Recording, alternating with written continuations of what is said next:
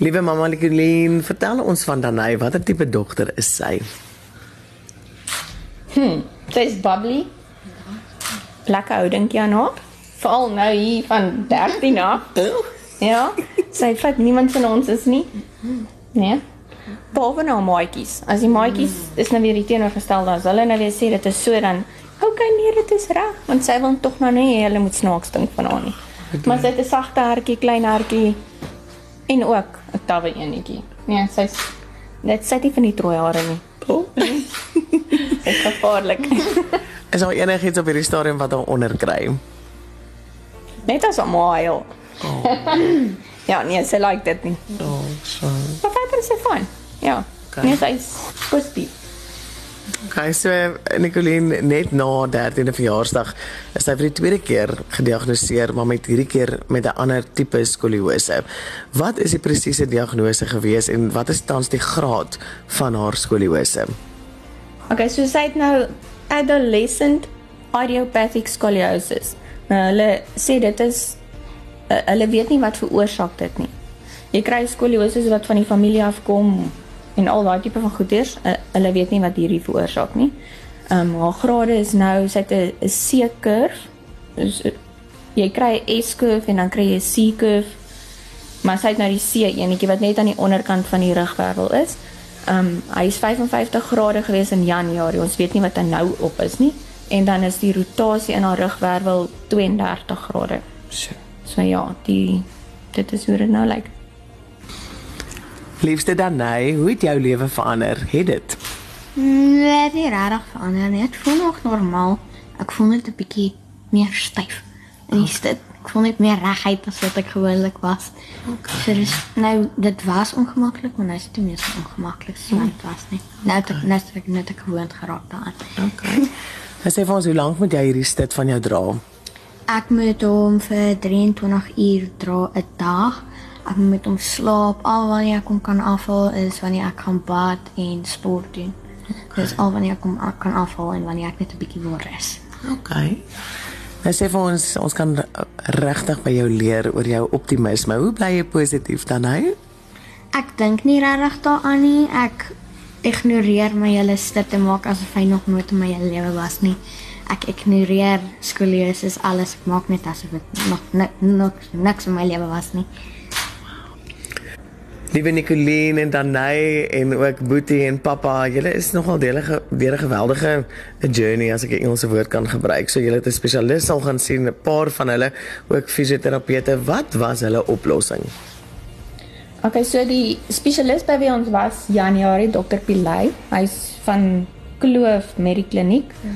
Ehm um, hy het voorgestel ons moet of hy twee voorstelle gegee. Het gesê ons moet eider opereer of ons moet 'n rugstuk probeer. So hy ek dink nie hy glo daaraan om net te opereer nie. So hy het toe nou die rugstuk opsie eerste probeer. Ehm um, hy het gesê ons moet dit vir 6 maande moet ons nou die stit dra, 23 ure 'n dag.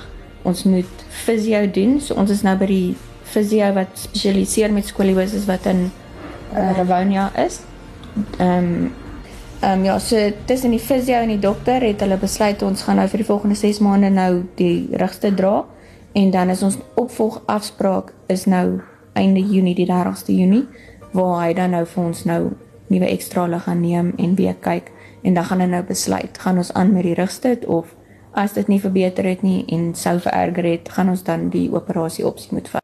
Kaiser Nicoline en Danai, dit is basies 'n wen-wen. As stit nie werk nie, wat ons hoop dit doen, gaan hulle opereer en dan gaan dit 'n sukses wees. Is jy positief? Ja, ons is positief. Wat ook al die uitkomste is, ons is reg daarvoor, ons moet wees. Okay, okay. Ja. So ek dink die bekommernis op hierdie stadium is dat die mediese fonds net 'n gedeelte van dan hy jou stit en dan die operasie en dan die ekstrale die fisio afsprake.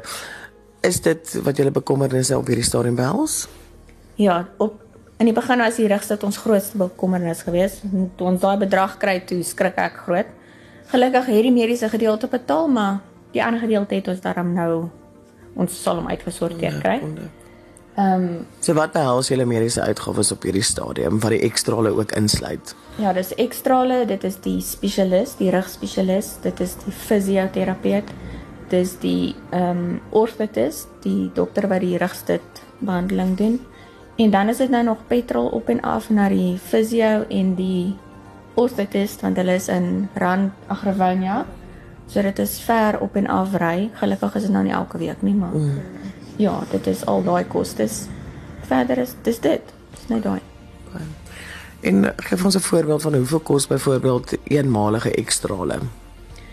Ehm um, as hulle ekstraal van die kant en van voor vat, dan kom dit so R4000, R4300.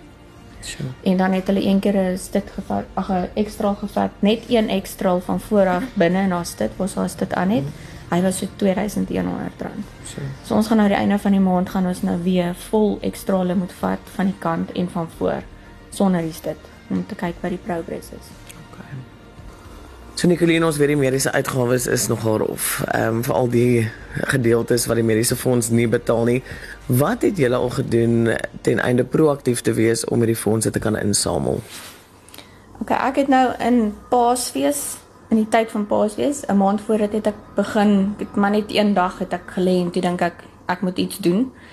So toe gaan ek deur Pinterest mm. en toe gaan soek ek bietjie idees en toe kom ek op so 'n klein poppetjie ding af. Hulle noem dit 'n gnome. Dit lyk soos 'n 'n tuindwergie, ja. maar met hierdie wolletjie baard en alle goede. So ek is toe nou in my kas in en ek haal lap uit en kyk wat het ek sodat ek net kan oefen. Ek het nie 'n patroon eers gehad nie. Ek het op internet gekyk hoe werk die patroon. Ek het my eie een geteken. Ek het uitgeknip, nog uitgeknip tot ek die regte size en die hoed en alles reg gekry het en toe ek my eventually my patroon op die einde van die dag het toe sê ek, okay, hier's die een wat ek nou gaan maak.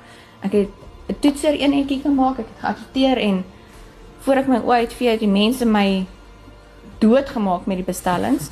Ek het vir die hele maand voor Paasfees tot eintlik aand voor Paas naweek aangebreek het, het ek gewerk tot in die oggendure om al die gnomes en die bestellings en goedjies klaar te maak. So ek het hulle verkoop vir ekstra geldjies sodat ons kan betaal wat ons kon betaal op daai stadium. En ja, mense bestel nog steeds, so dit help daarom 'n bietjie. Ja, wonderlik, dankie dat jy proaktief was. Mm -hmm. Ek ietsie van julle kant af gedoen het. Ja, ja, ons okay. probeer. Sinicoline, wat is julle as ouers se grootste wens vir Danai? Sy moet net 'n normale lewe hê. Net so hierdie ragstorie moet nou einde kry, sy moet hy moet reguit word of dit nou 'n operasie of dit stit is of wat ook al, sy moet normaal aangaan. Want mm. met die stit op die oomblik word sy gebreek met baie goed. So so nie dit hê nie. So. En dan netjie, wat is jou grootste wens? Om net uit hierdie stitheid te kom en normaal te wees. En hopelik eendag 'n groot sukses te hê in my lewe en vir alle mense te sê met skoliose dat dit sal oukei wees, net hulle sal reg kry. Liewe mamma Nicoline en en pappa se afwesigheid wat by die werk is en dan hy en Boetie Nico wat by die skool is besig met eksamen. Ehm um, so ons weet vir nou is julle gecover. Ehm um, vir nou het julle vrede oor die afspraak einde Junie want dit gaan 'n wen-wen wees of dan hy moet bly in die stad of moet gaan vir 'n operasie. Ons weet daar's nog doktersafsprake wat volg. Ehm um, so vandag vir vir 'n bietjie verligting bring ons vir julle R1500 maar geskenkbewys. Ag so net om vir 'n lekker ete te gee, sommer 'n oorwinningsmaaltyd um, wat julle die suksesse vorentoe kan vier en sommer kan aanhou lewe spreek. OK. En uh, dan wil ons graag met behulp van Ecomed Medical ook dan hy jou stiek vir jou volgende ekstrale afspraak want ek weet dit is 'n groot bekommernis. Okay. Baie baie dankie.